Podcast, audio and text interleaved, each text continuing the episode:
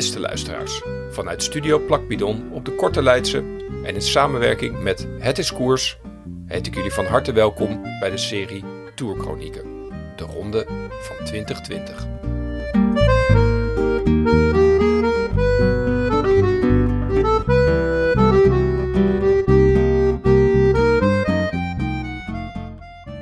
En zo belanden we aan bij etappe 20. Tamo en de mooie meisjes. Een klimtijdrit van Lure naar Planche de Belleville over 36,2 kilometer. De Tour is niet logisch. Al dus Erik Dekker. Tijdritten nemen een gekke plek in in het wielrennen en zeker ook in de Tour.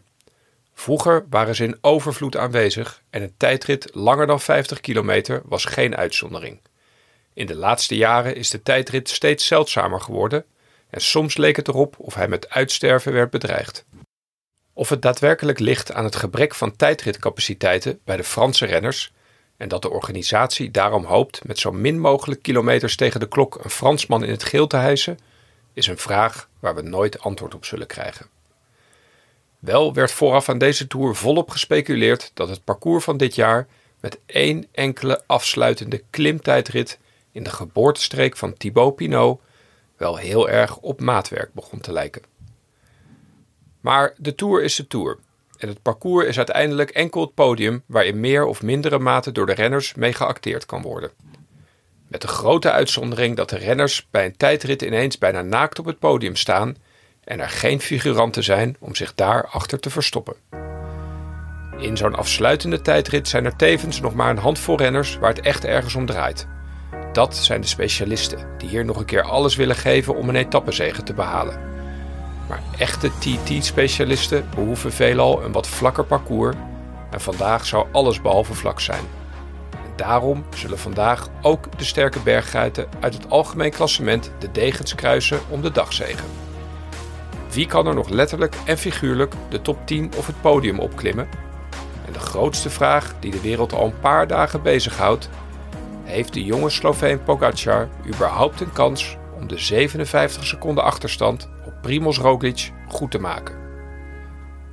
Na de verplichte interviews van gisteren, geschreven artikelen, analyses en vragen die op hem afgevuurd zijn, spreekt Tada die ochtend tegen Ellen uit wat hem is bijgebleven. Ellen, ze geloven niet in me. Ze zijn alleen maar bezig met de witte trui voor de beste jongeren, niet met de gele. Landgenoot Roglic kon onmogelijk 57 seconden verliezen. Landgenoot Roglic was de betere tijdrijder van de twee. Landgenoot Roglic had Tadej op de loze de genadeklap gegeven. Pogacar was nog jong en zou drie weken aanvallend koersen niet tot de laatste dag volhouden. Landgenoot Roglic had simpelweg meer ervaring en zou dit niet meer uit handen geven. Ja, als je de media-uitlatingen en alle exit polls erop naslaat, dan zou een koep van Tadej Pogacar bijna net zo verrassend zijn was de overwinning van een pompeuze, blonde man met oranje gehuid in een land aan de andere kant van de oceaan.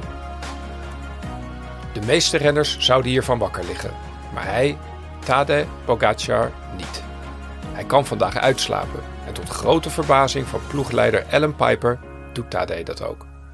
Tadej, hij was al drie weken aan het fietsen en dag in dag uit alles aan het geven. Dus hij had wel wat extra slaap verdiend. De Tour win je in je bed, had iemand uit een laaggelegen kikkerlandje toch ooit gezegd? Ploegleider Alan Piper heeft duidelijk meer last van de zenuwen.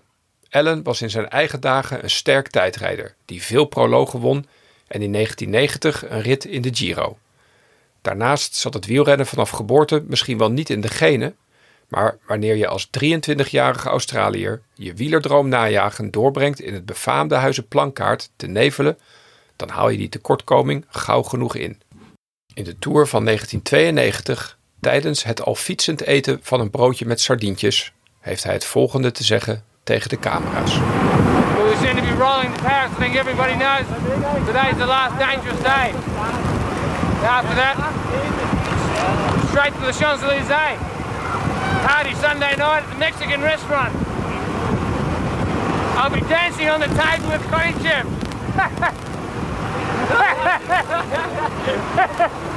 He's gonna bring his vodka.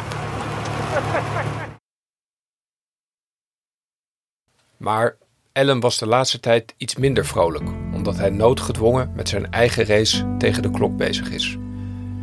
Al vijf jaar is prostaatkanker een zwaard van Damocles wat boven hem hangt. Begin 2019 komt het vreselijke nieuws dat er uitzaaiingen in longen en botten zijn. Weer chemo's. Blijven vechten. En dan volgt de lockdown. Misschien wel een blessing in disguise. Wonende in Gerardsbergen heeft Ellen Piper het geluk van een grote tuin. En kan hij zich samen met zijn vrouw goed aan de regels houden en zijn herstel op de eerste plaats zetten. Daarnaast heeft hij drie katten om hem af te leiden, waarvan er eentje logischerwijs Philippe Gilbert heet. De man met wie Piper bij BMC schitterende successen behaalde. De lockdown doet hem tevens beseffen hoeveel moois we hebben in deze wereld en hoe zuinig we erop moeten zijn. Om ervoor te zorgen dat de ploeg vandaag zo min mogelijk last van zenuwen heeft, reist UAE Team Emirates voorafgaand aan de Tour drie keer af naar de vallei. Om zowel de glooiende aanloop van 30 kilometer als de 6 kilometer lange steile slotklim van de Planche de Belleville tot in het kleinste detail te verkennen. Niets, maar dan ook niets wordt aan het toeval overgelaten. Zelfs de mogelijke fietswissel wordt tot in den treuren geoefend. De versnellingen voor het glooiende vlakken, gevolgd door de steile klim, worden getest, genoteerd en definitief vastgelegd. Deze plek heeft geen geheimen meer voor Pogacar. De Planche de Belleville, het plateau van de mooie meisjes. Geen schoner podium om de strijd van de ronde te beslechten. De rijke historie van de Tour zelf gaat al meer dan 100 jaar terug. Maar voor die van de Planche moeten we zelfs terugreizen naar de 30-jarige oorlog van 1618. Die zag dit gedeelte van Frankrijk in het departement Haute-Saône bezet zijn door Zweedse huurlingen. De Zweden die nu uitblinken in voortreffelijk gedrag waren in dat tijdperk nog van het type ongewassen viking. De vrouwen uit het dorp hadden gehoord wat er kon gebeuren als deze huurlingen je in hun klauwen kregen. Toen de inval kwam besloten ze zich dan ook niet gewonnen te geven en vluchtten ze de berg op, om zich daar vervolgens in het ondergelegen meer te storten. Een snelle dood tegemoet. Naast de Planche de Belleville draagt dit meer nu ook de naam het Étang de Belleville.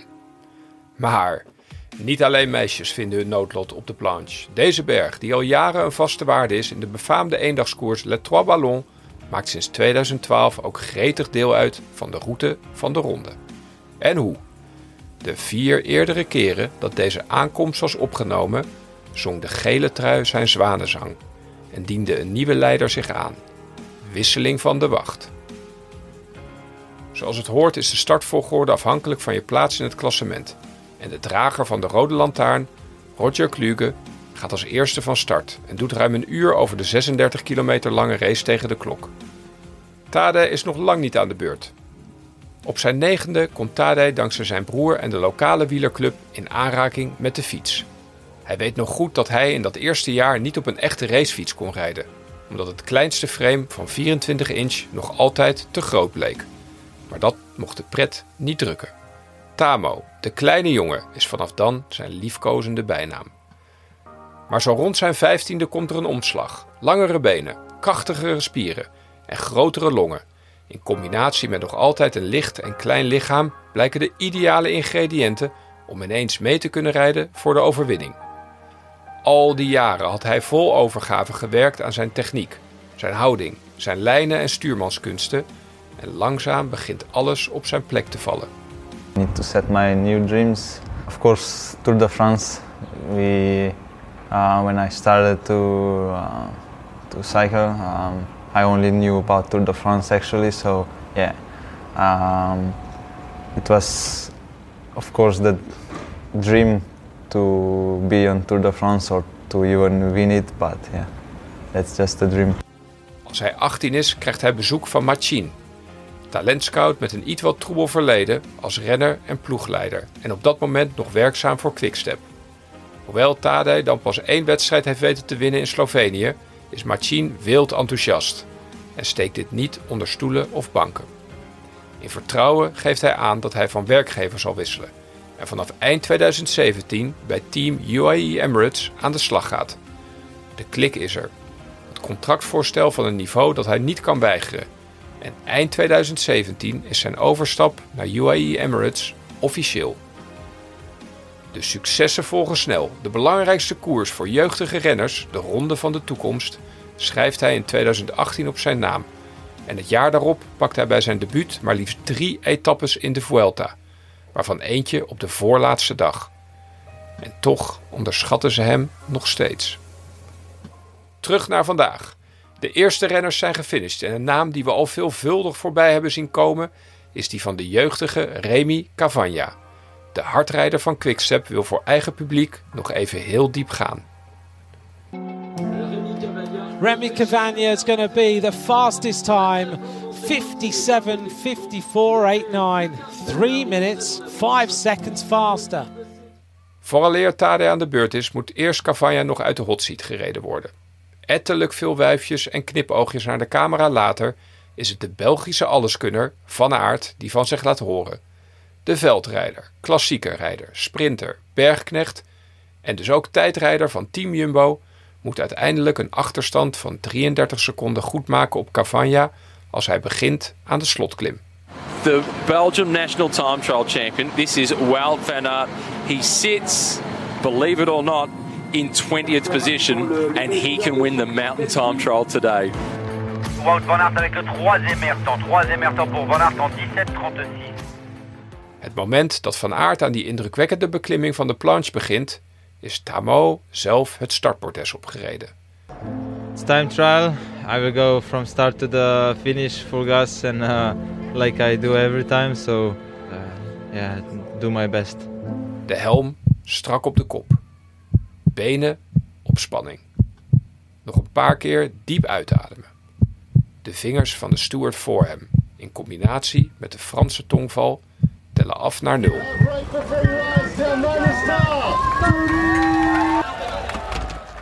Bij de tijdsmeting blijkt inderdaad dat Van Aert bezig is aan een strafnummertje. Steady doorstoempend vindt Wout gemakkelijk zijn ritme op de klim. De drie weken tour hebben hem er duidelijk niet onder gekregen. En bij de finish zet hij een tijd neer die 28 seconden sneller is dan hotseat warmhouder Cavagna, die nog een laatste maal mag zwaaien vooraleer hij van de organisatie het hazenpad moet kiezen. Hier komt de Wout van Aert. Hij duikt duidelijk onder de tijd van eh, Cavagna. En neemt een optie op het podium. Nog eens met een jump aan het slot. Toptijd van Aert. Als allerlaatste gaat twee minuten na Tadej ook de drager van de gele trui, Primoz Roglic, van start. Op het glooiende gedeelte krijgt Pogacar geheel volgens afspraak de tussentijden en tussenstanden door. Bij chronopunt 1, na 14 kilometer, heeft hij maar 5 seconden achterstand op de ex-wereldkampioen tijdrijden Tom Dumoulin. En ruime twee minuten later hoort hij dat hij al 13 seconden sneller is dan Primos. Zou het? Hij kan niet nadenken of gissen naar de tactiek van Primos. Start die misschien iets behoudender om zo op de klim zijn suprematie te laten zien? Gedachtes flitsen bij Pogacar, komen naar boven maar vervagen net zo snel weer. Hij kent deze weg met zijn ogen dicht. Op en af, lange mooie bochten linksom en rechtsom. Even uit het zadel, gauw weer in de houding. Alles volgens afspraak. Okay, really good tunnel. 600 meters to the bike change. 300. Get, get, get out of the way! De auto met daarin Piper wordt nerveus. Daar is de klim en het is tijd voor de fietswissel. Ze zien dat Pogacar de 30 kilometer aanloop meesterlijk heeft doorstaan. Hij is maar 1 seconde langzamer dan wereldkampioen tijdrijden Dumoulin. De wissel gaat zoals gepland. Zijn fietscomputer laat hij achter. En hij, Pogacar, hij begint te vliegen. Elke pedaalstrook levert hem het juiste resultaat op.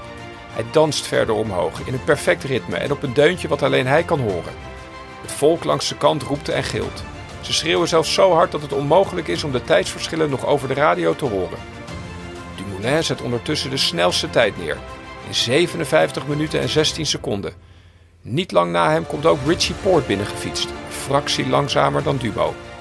Richie Ports, he is just outside, or is he? He misses the time of Dumoulin. He climbed out of his skin up the planche de Belleville and he's climbed his way to a spot on the podium. Richie, phenomenal. Tadej's kop speelt het deuntje vrolijk verder. terwijl de energie van de verzamelde menigte groter en groter lijkt te worden. Hier ken ik elke bocht, elk hobbeltje. Hier moet ik versnellen, hier kan ik vol gas. Na het allerlaatste steile stuk vlakt de klim iets af en komt de finish in zicht. De kracht blijft onverminderd groot.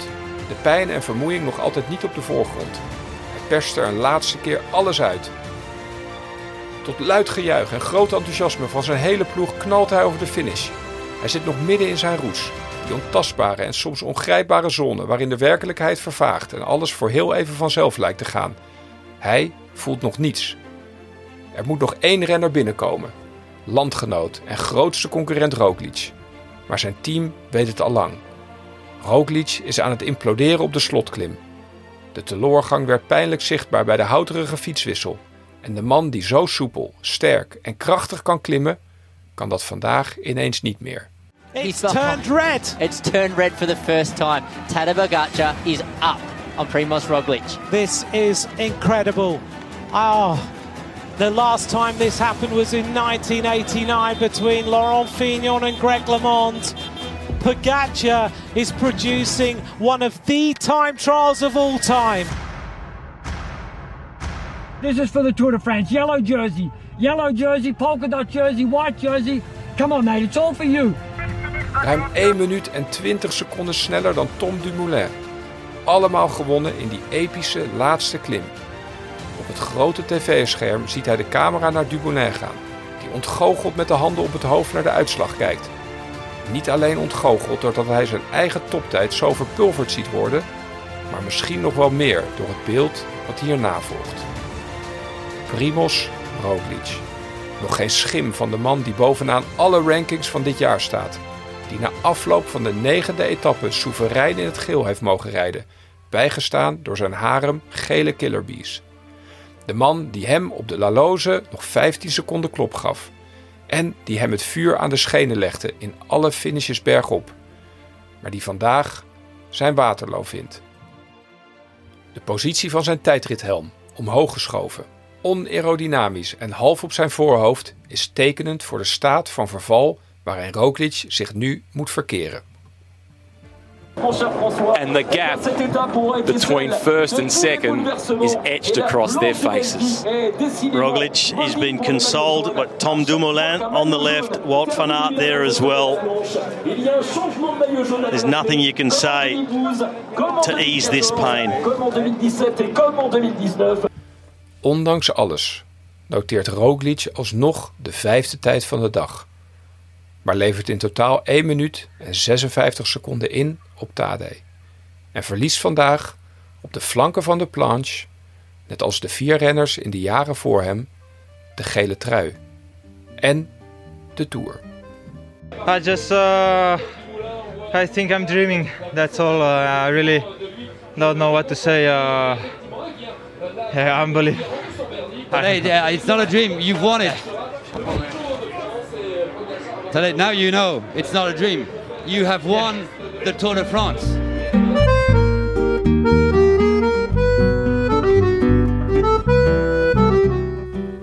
Bedankt voor het luisteren naar deze aflevering van Tourchronieken, de ronde van 2020. Tot de volgende!